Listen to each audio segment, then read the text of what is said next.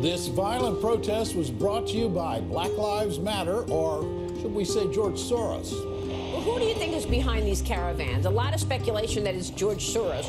They'll go to a person holding a sign who gets paid by Soros or somebody. Aðför sem hafi verið undirbúin í sjö mánuði í nokkurum löndum og beitt þessum gögnum sem að Soros voganasjóðs kongur hafi keift. This man interferes in elections and referendums all over the Western world. Who is choosing the puppets and the players? Who's the puppet master? George Soros. George Soros. Maður sem ef markam á þær rattir sem við heyrðum hér og heyrum víðar verðist vera með puttana í ansi mörgum, skipta sér af kostningum, mótmælarheyfingum og stjórnmálum út um allan heim. Maður sem er meðal auðugustu manna heims og hefur á langri æfi notað auðafi sín, já, til góðgerðastarfa, segja sumir, til óæðlilegra pólitískra afskipta, segja aðrir. Jável til að stjórna okkur smælingunum eins og strengjabrúðum á meðan hann sjálfur situr á gullkistum sínum og hlær eða eitthvað í þá átt. In, into the financial markets. Uh, please brace yourselves because I'll pack a lifetime of experience into this one lecture. Hjónin Tívatar og Ersebet Svarts í Budapest eignuðust árið 1930 sónin Georgi. Þau voru gýðingar en eins og margir aðrir gýðingar af efri stjættum í ungversku höfuborginni flíkuðu þau því ekki sérstaklega. Þau voru ekki trúrækin og jafnvel nokkuð í nöp við uppruna sinn eins og sonurinn saði síðar. Þau voru velstæð, áttu sumarhús á eigu í Dóná og ferðuðust mikið um Evrópu. Tívatar var lögfræðingur, þó ekki sérlega áhugasamur um starfsitt. Hans sanna ástríða var alþjóða tungumálið Esperanto. Hann var meðal helstu esperantista Ungverjalands, gaf út tímarit á Esperanto og skrifaði bækur á málinu. Á heimili Svarts fullskildunar var stöðugur ströymur esperantista og Georgi Littli ólst í upp með tungumálið tilbúna sífælt í eirum. Þegar hann var 6 ára 1936 ákvað fjölskyldufadurinn svo að fjölskyldan skildi breyta um nafn að hluta til til að losna við þið augljóslega gýðinglega svarts en ekki var síður að nýja nafnið sem hann valdi eftir miklar bollaleggingar var orðmynd á Esperanto, framtíð af sögninni að rýsa, Soros. Reyndar borið fram af ungverjunum Soros en hann, Georgi, sonur Tívatar, er í dag af flestum kallaður George Soros. Nehéz szavakba foglalni azt az értést, ami eltölt ebben a történelmi pillanatban. Húsz súlyos esztendő után először lépek kerekintélés a felvidítés. Ungverjaland var á þessum tíma undir stjórn þess sem hér talar ríkistjórans Miklós Horthi. Hann var íhaldsmaður sem hafi bannað bæði ungverska kommunistaflokkin og fasistaflokkin Örvakrossin. Engu að síður gerði hann á ofanverðum fjórða áratugnum bandalag við stjórn Hitlers í Þýskalandi og í setni heimstyrjöld börðust ungverskir hermenn með þýskum á Östurvíkstöðunum. Þjóðverjar urðu þó á endanum ósáttir með bandamenn sína þegar hernaðurinn fór að ganga brösulega eistra þóttu ungverjar ekki gera sitt og þýskir óttuðust jáfnvel að ungverjar hegðust snúast á sveif með bandamannum. Og svo var stjórn Horþís tregt til að verða við kröfum þýskra nazista um að afhenda þeim um 800.000 gýðinga ungverjarlands til tortimingar. George Soros var að verða 14 ára og að koma heim af listasafni 19. mars 1944 þegar hann sá fyrstu þýsku skriðdregana á breyðstrætum Budapest.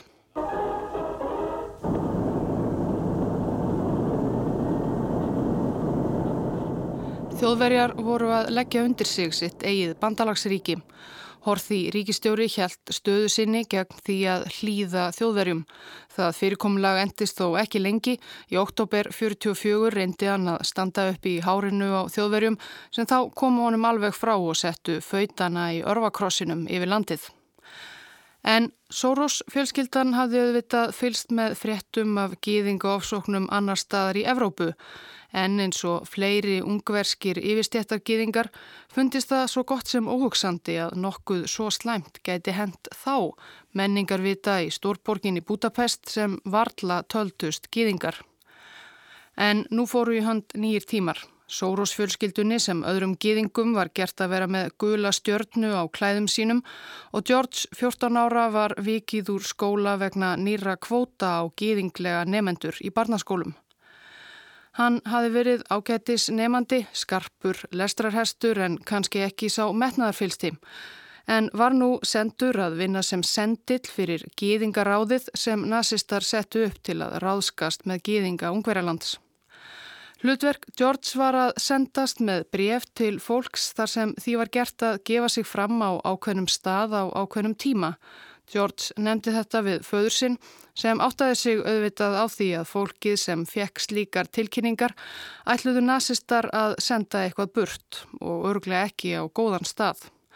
Sá staður á geti hlustandi var auðvitað útrymmingarbúðirnar kendar við Ásvits í Pólandi þar sem starfsfólkið var í þann mund að búa sig undir stórsendingar af ungverskum giðingum.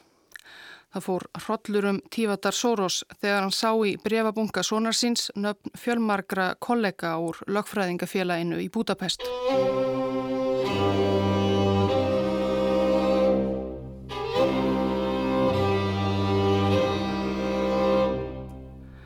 Þegar ljóst var orðið að hætta stedjaði að fjölskyldunni greip Tívatar Soros til sinna ráða. Með því að nýta öll sín sambönd og alla sína kænsku tókst honum að komast yfir fölsuð skilríki fyrir alla í fjölskyldunni í nafni venjulegra Kristina Ungverja.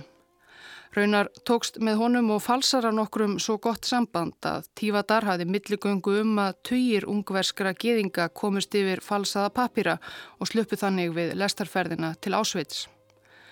En til að fullkomna dulargerfin þurftu fjölskyldumæðlimir að fara hver í sína áttina. George Soros fekk nafnið Sandor Kiss og var komið fyrir hjá kunningja Tífadars og ofinberum starfsmanni sem let sem þetta væri Guðsónur sinn. Pappi hans faldi sig svo annar staðar, móðurinn annar staðar, eldri bróðurinn Pól var geimtur á enn öðrum stað.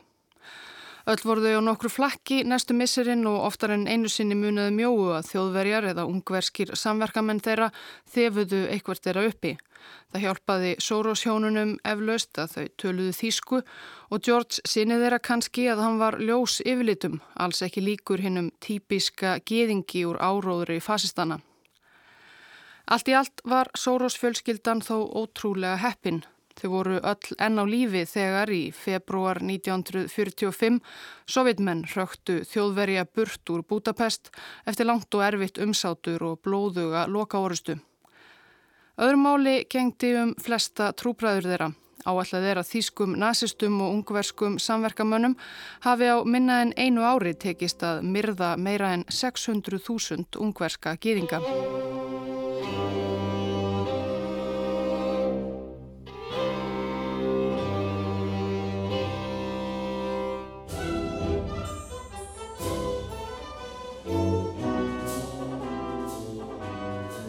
Budapest í stríðslokk var illa farin. Það var eðilegging og mikil fátækt.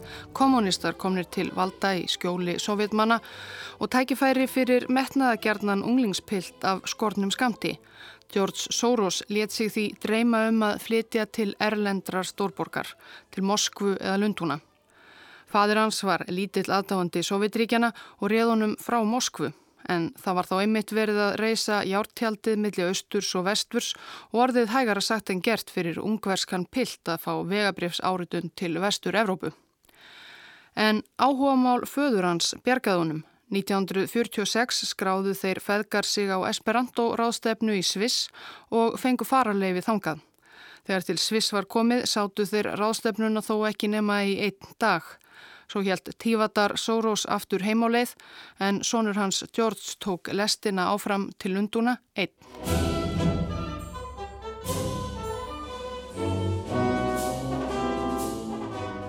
Þegar George Soros kom til Lunduna var hann valla 17 ára gammal. Hann talaði lélega ennsku og var blankur fyrir utan örf á pund á viku sem hann fekk sendt frá foreldrum sínum. Sökum vankunáttu í ennsku og fátæktar reyndist honum erfitt að komast inn í brest samfélag.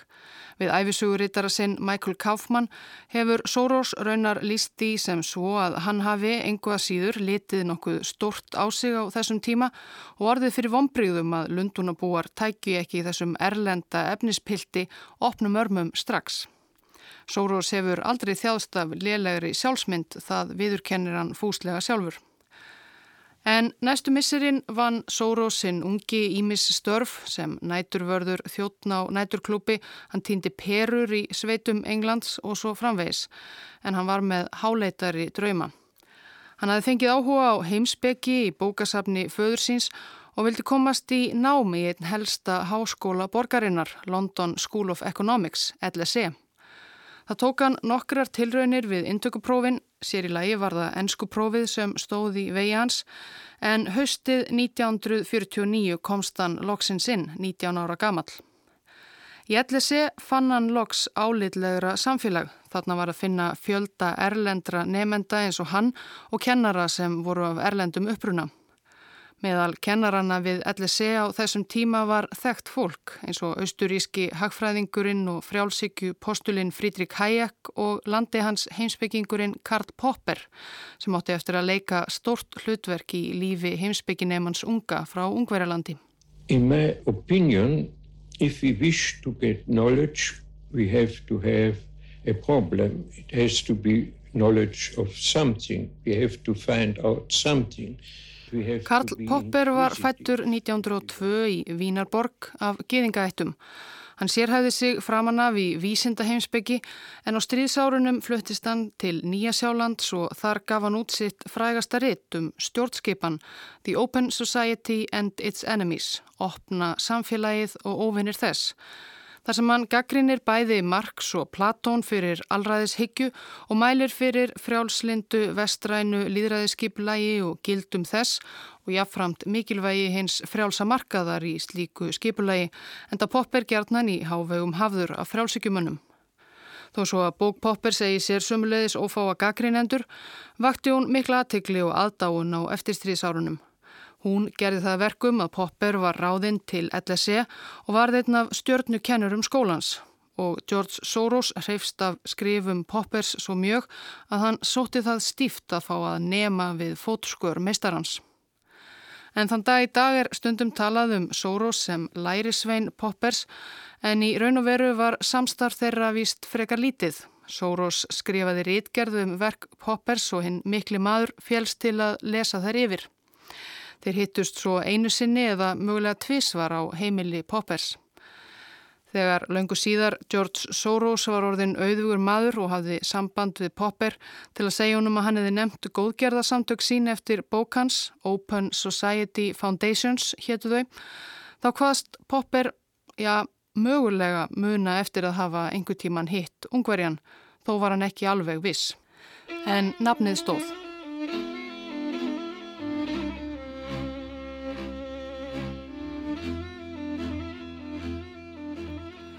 George Soros útskrifaðist með meistaragráðu í heimsbyggi úr LSE árið 1954. Aftur var þann fyrir nokkrum vonbriðum með hversu erfitt var að komast inn í samfélag brettana, allavega þær kreðsur sem hann sá fyrir sér að hann ætti nú heima í. Trátt fyrir fína gráðu úr fínum skóla var Soros að láta sér næja vinnu sem farand tópaksölumæður fyrstum sinn, nokkuð sem hann var frekar slappur í. Svo hann ákvaða að reyna að komast að hjá banka. Hann hafði löngum haft gaman af braski. Kunningi hans einn réð honum reyndar frá því að reyna að sækja um vinnu í banka. Jú, breskir bankastjórar réðu alltaf bara frændur sína í vinnu, sagðan. Sórós let þetta sem vindum eiru þjóta en svo fór reyndar að eini bankin sem bóðaði hann í viðtal og réð hann svo að lokum. Honum var þá einmitt stjórnað af ungverjum. Þetta var gamalgróin fjárfestingabanki Singer og Frídlander, Íslandingum eflaust aðalega kunnur því að halvri öll síðar var hann keiftur af íslensku fjármálafyrirtæki Kaupþingi sem dró hann svo með sér niður í íslenskt hrunsvað. En George Soros var að eigin sögn ekki sérlega góður starfsmæður Singer og Frídlander. Hann var settur í bókaldið en reyndist svo ómögulegur að reyndari menn þurftu að fara yfir hverja tölu sem hann hreipaði niður á blað. En hann hjekk inni og fekk áhuga á fjárfestingarhluta starfseminnar og með nokkur hundruð pundum sem hann fekk frá frænda sínum gerði hann sinn fyrsta díl, keipti nokkur hlutabref og seldi svo ekki löngu síðar með hagnaði bref í ríksugu framleiðandunum Húver. Það var upphaf á ferli sem varð farsæll í meiralagi. Today has been an extremely difficult and turbulent day. Massive speculative flows have continued to disrupt the functioning exchange rate mechanism. 16. september 1992 svarti miðvíkudagurinn í breskri fjármálasögu.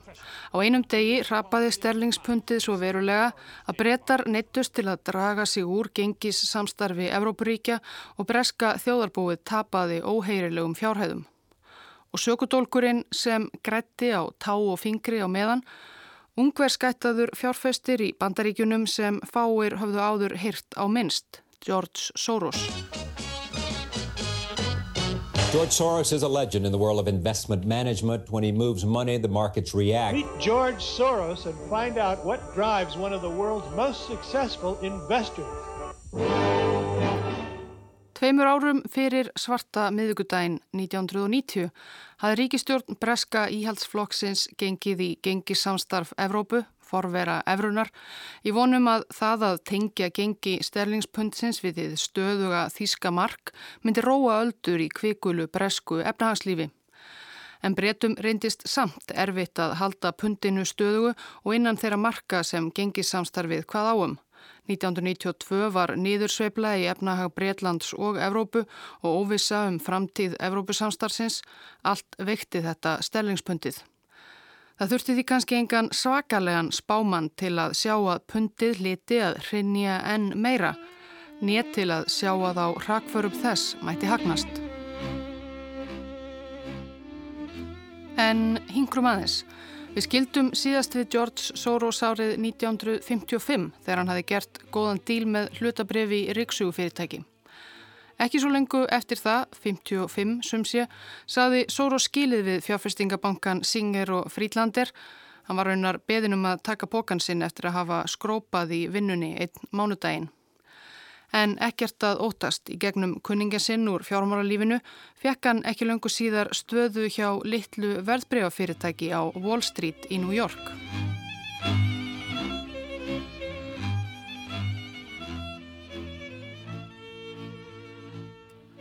Soros ætlaði sér alltaf að vera í New York í fimm ár. Þá yrðan vafalaust búinn að sapna sér nógum peningum til að geta haldið áfram heimsbygginámi í Lundunum.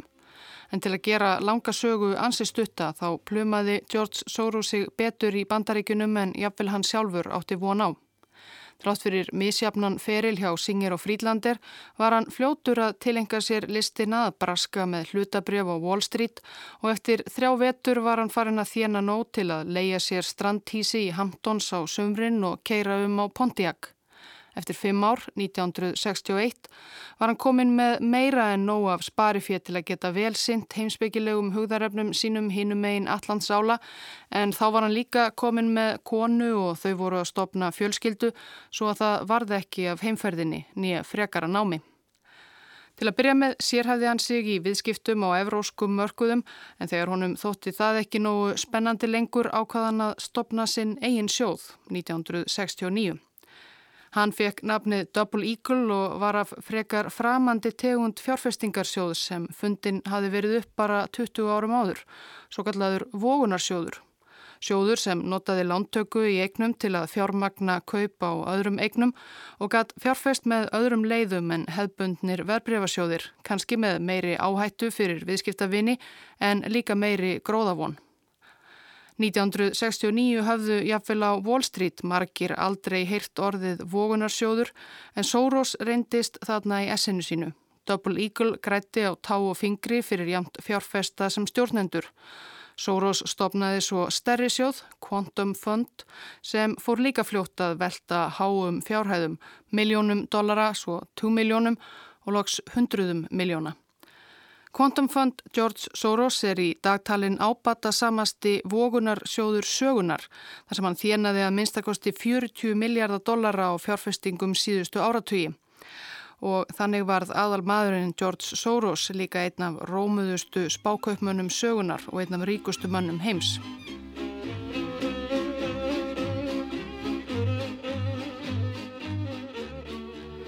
Reyndar var það vist ekki Sóró sjálfur sem fekk hugmyndina að beina sjónum að sterlingspundinu 1992 heldur einn af starfsmönnum hans hjá Quantum.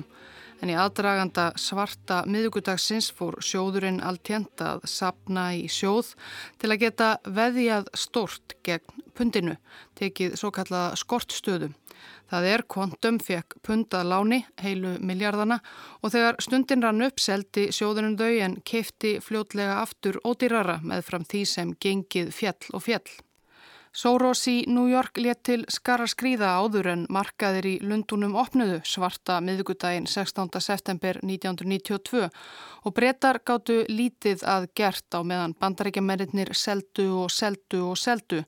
Aðrir sjóðir og fjárfestar runnu svo fljótta á blóðleiktina og tóku þátt í gleðinni.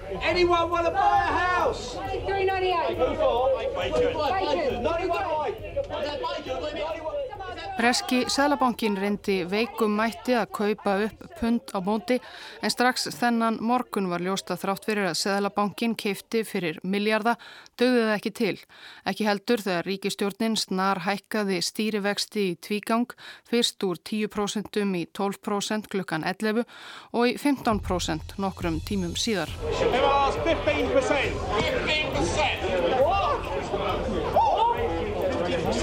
Í lókdags gáfust bresk stjórnvöld upp og neittust til að draga sig út úr gengi samstarfi Evrópu og láta gengi pundsins fljóta. Sórós og hinnir spáköpmennir hafðu sigur. George Soros, 62 ára, varð allt í einu frægur sem maðurinn sem feldi pundið og maðurinn sem rændi breska selabankan. Og hvað grætti hann sjálfur á viðskiptum dagsins? It was a billion dollars, in excess of a, a billion dollars of, of profits. Já, bara miljard dollara eða meira.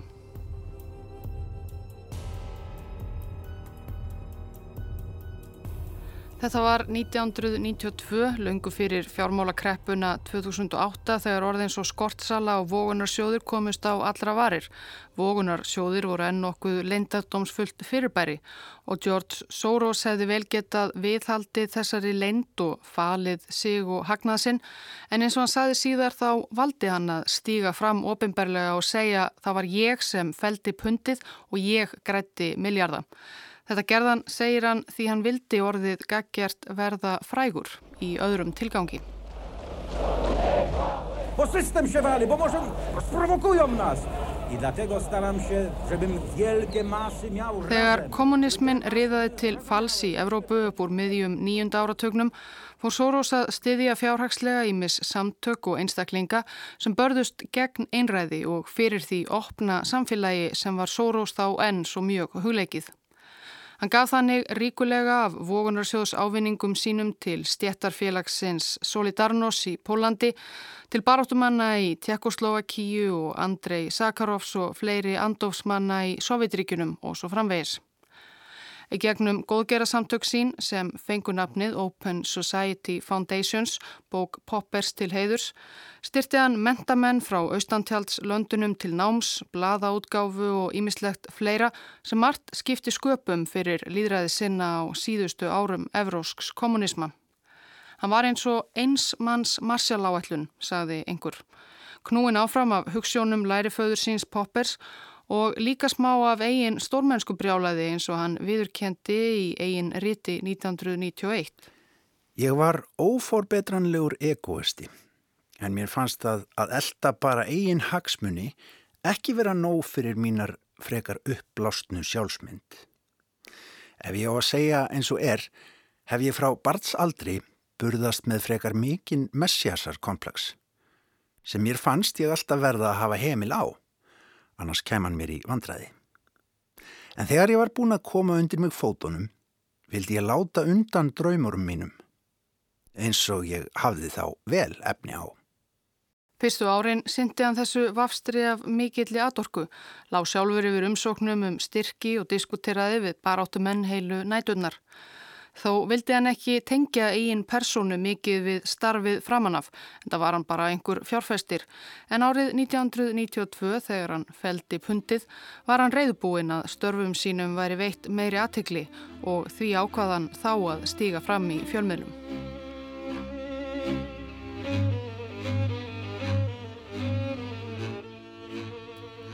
Ítzak Rabin, fórsættisráð þeirra Ísraels, var skotin til bana 4. november 1995 í Tel Aviv eftir fjöldafund til stuðnings Óslóar samkómulagi sem Rabin hafi nýverið skrifað undir á samt Arafat leðtóa palestínumanna. Utaríkisráð þeirra Rabins Simon Peres tók við sem fórsættisráð þeirra en bóðaði fljótt til kostninga til að endur nýja umbóðsitt.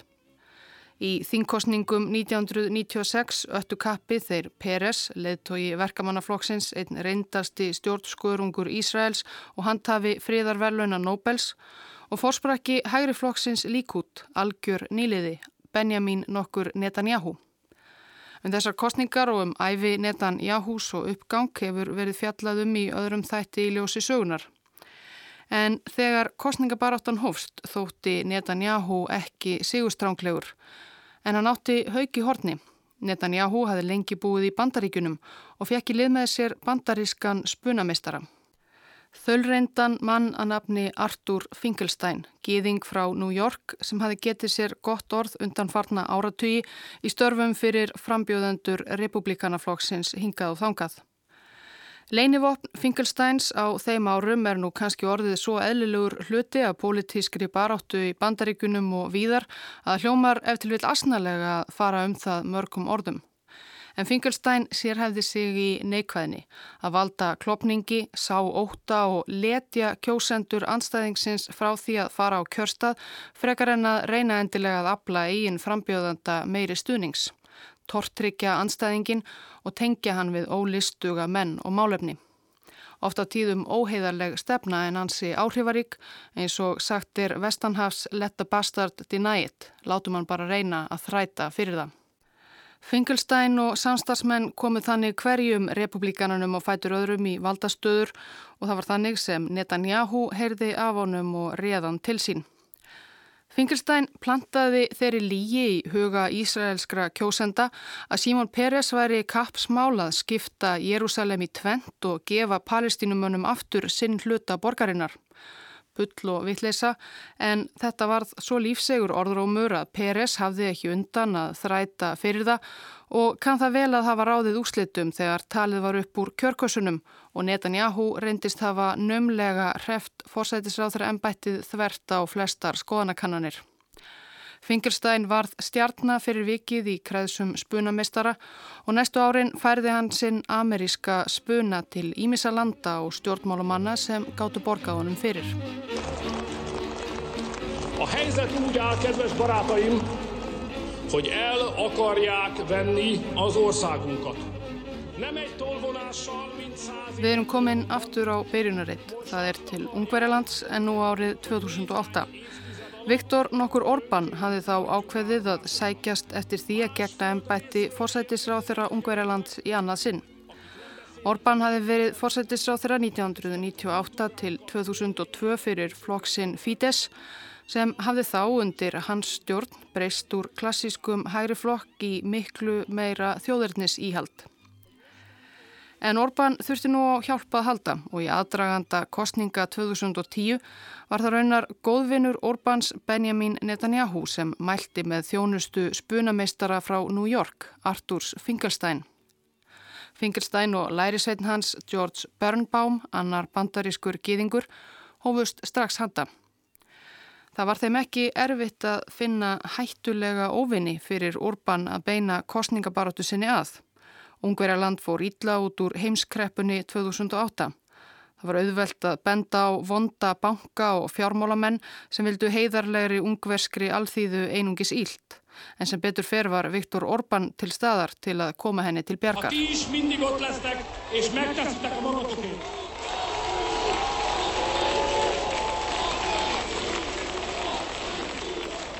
Enda vann Fítesflokkur Orbáns stór sigur í kostningunum 2010 fekk hreinan meiri hluta á þingi. Sósélistaflokkurinn sem hafi silt ungverilandi í gín kreppunar átti ekki sjens og þurkaðist nær út. En það reyndist reyndar líka ákveði vandamál fyrir Finkelstein og Börnbaum sem voru áfram í þjónustu Orbáns. Forsætisráð þeirra reðst nú í umfangsmiklar og umdeldar stjórnarskrárbreytingar og til að fylgja ungversku þjóðinni að baki í leittóanum þurfti að finna einhvern nýjan óvinn helst. En hver geti það verið? Finkelstein lagði höfuðið í bleiti. Það hefði gefist vel að láta Orban ráðast á alþjóðlega bankamenn og hrækama en væri ekki hægt að ganga lengra. Hvað eða væri hægt að samfæra kjósendur um að það væri einhver skuggaleg persóna bak við tjöldin sem vildi steipa öllu um koll og hagnast á þjáningum þeirra. Dularfull persóna en þó nógu náleg til að kenningin hljómaði trúverðug. Annar ungveri. Hvað með George Soros? Börnbaum Lærisveit Finkelstein hefur líst í viðtali að hann hafi hlustað agndofa þegar hann setti þetta fyrst fram.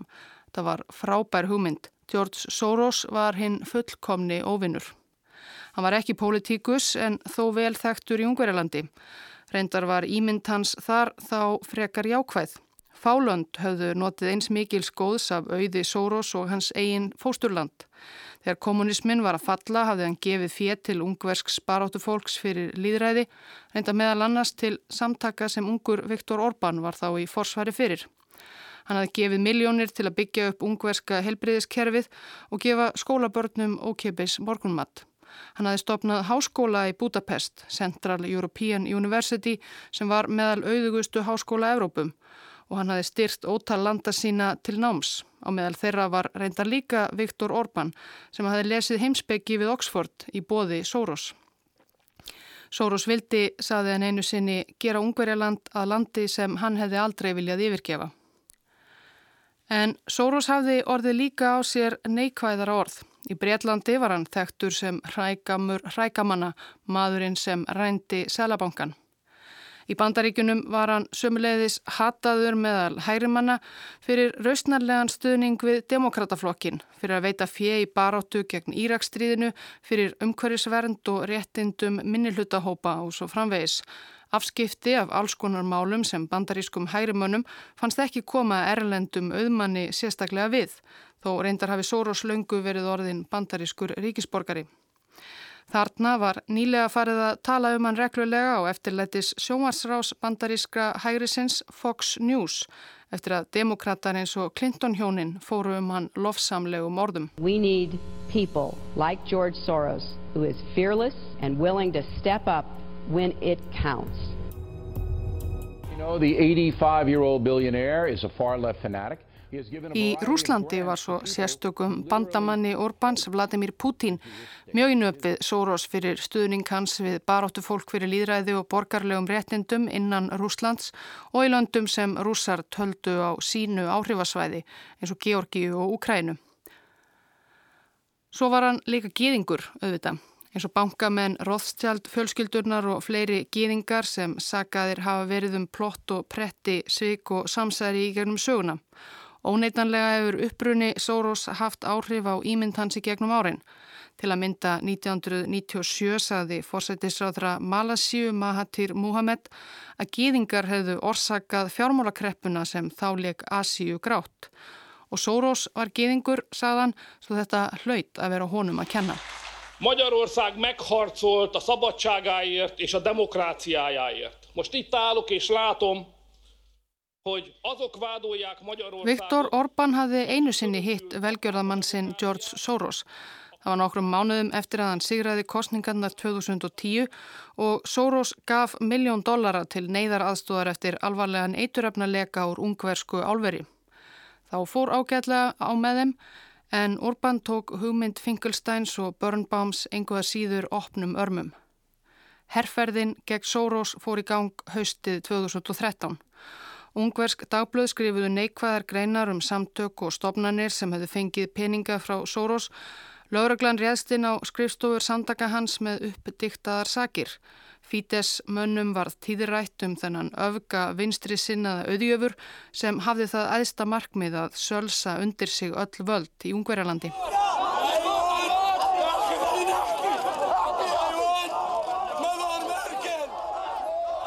Flóttamanna vandin svo kallaði í Evrópu sem komst í hámæli 2015 var vatn á millu Orbáns í herrferðans gegn Soros.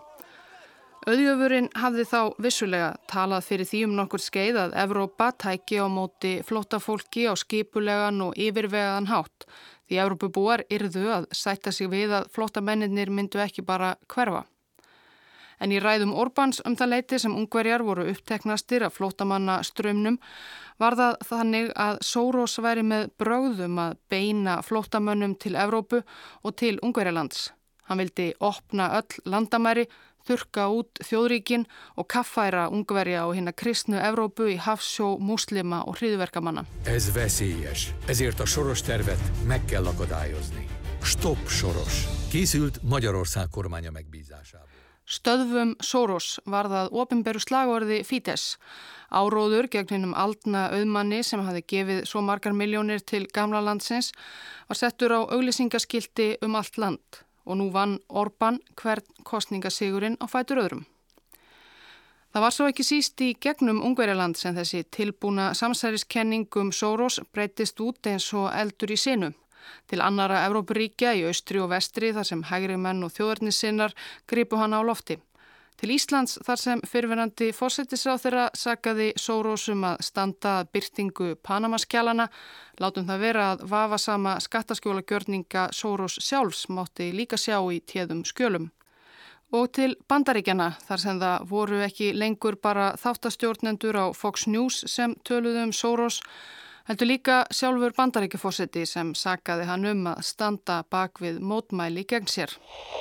Don't get me started on George Soros. I believe it's paid for by George Soros. В Соединенных Штатах есть такой фигурант, господин Сорос.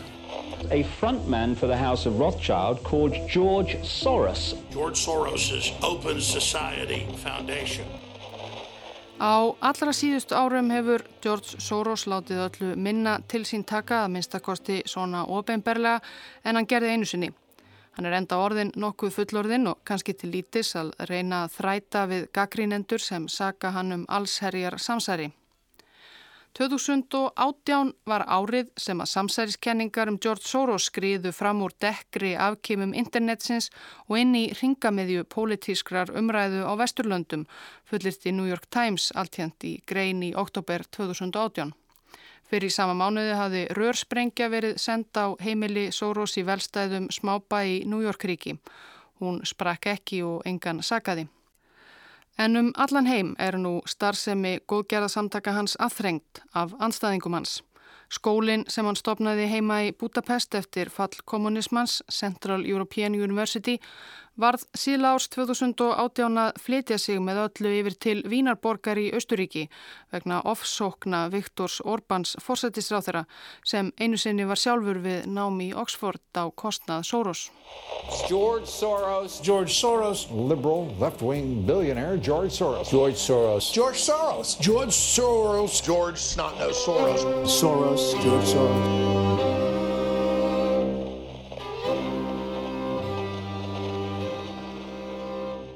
Í þessum töluðum orðum er George Soros sjöndi á lista yfir þá auðmenn sem mest hafa gefið til góðgerarmála. Open Society stofnanir hans eru með starfsemi í meira en 60 löndum og dæla át mörg hundruð miljónum dollara á hverju ári. Þeir eru og bakhjarlar margra þekktustu mannirtindasamtaka heimsins og Amnesty og Human Rights Watch. Sórós hefur stutt ótal málefni en frá því fyrir fall í ártjaldsins hefur hann sérhæft sig í því öðru fremur að vinna framgangi á hveðinar heimsbyggi frjálslinds, líðræðis og opins samfélags. Í vittali við New York Times sumarið 2018 viðurkendi Sórós að Karl Popper hefði eftir allt saman líklega ekki haft nægan skilning á eðli stjórnmála. Þau væru ekki eins og vísindin sem Popper stúdiraði fyrst leitað sannleika. Stjórnmál, líka í líðræðiskipulagi, væru líklega alltaf bara leit að völdum. Thank you very much.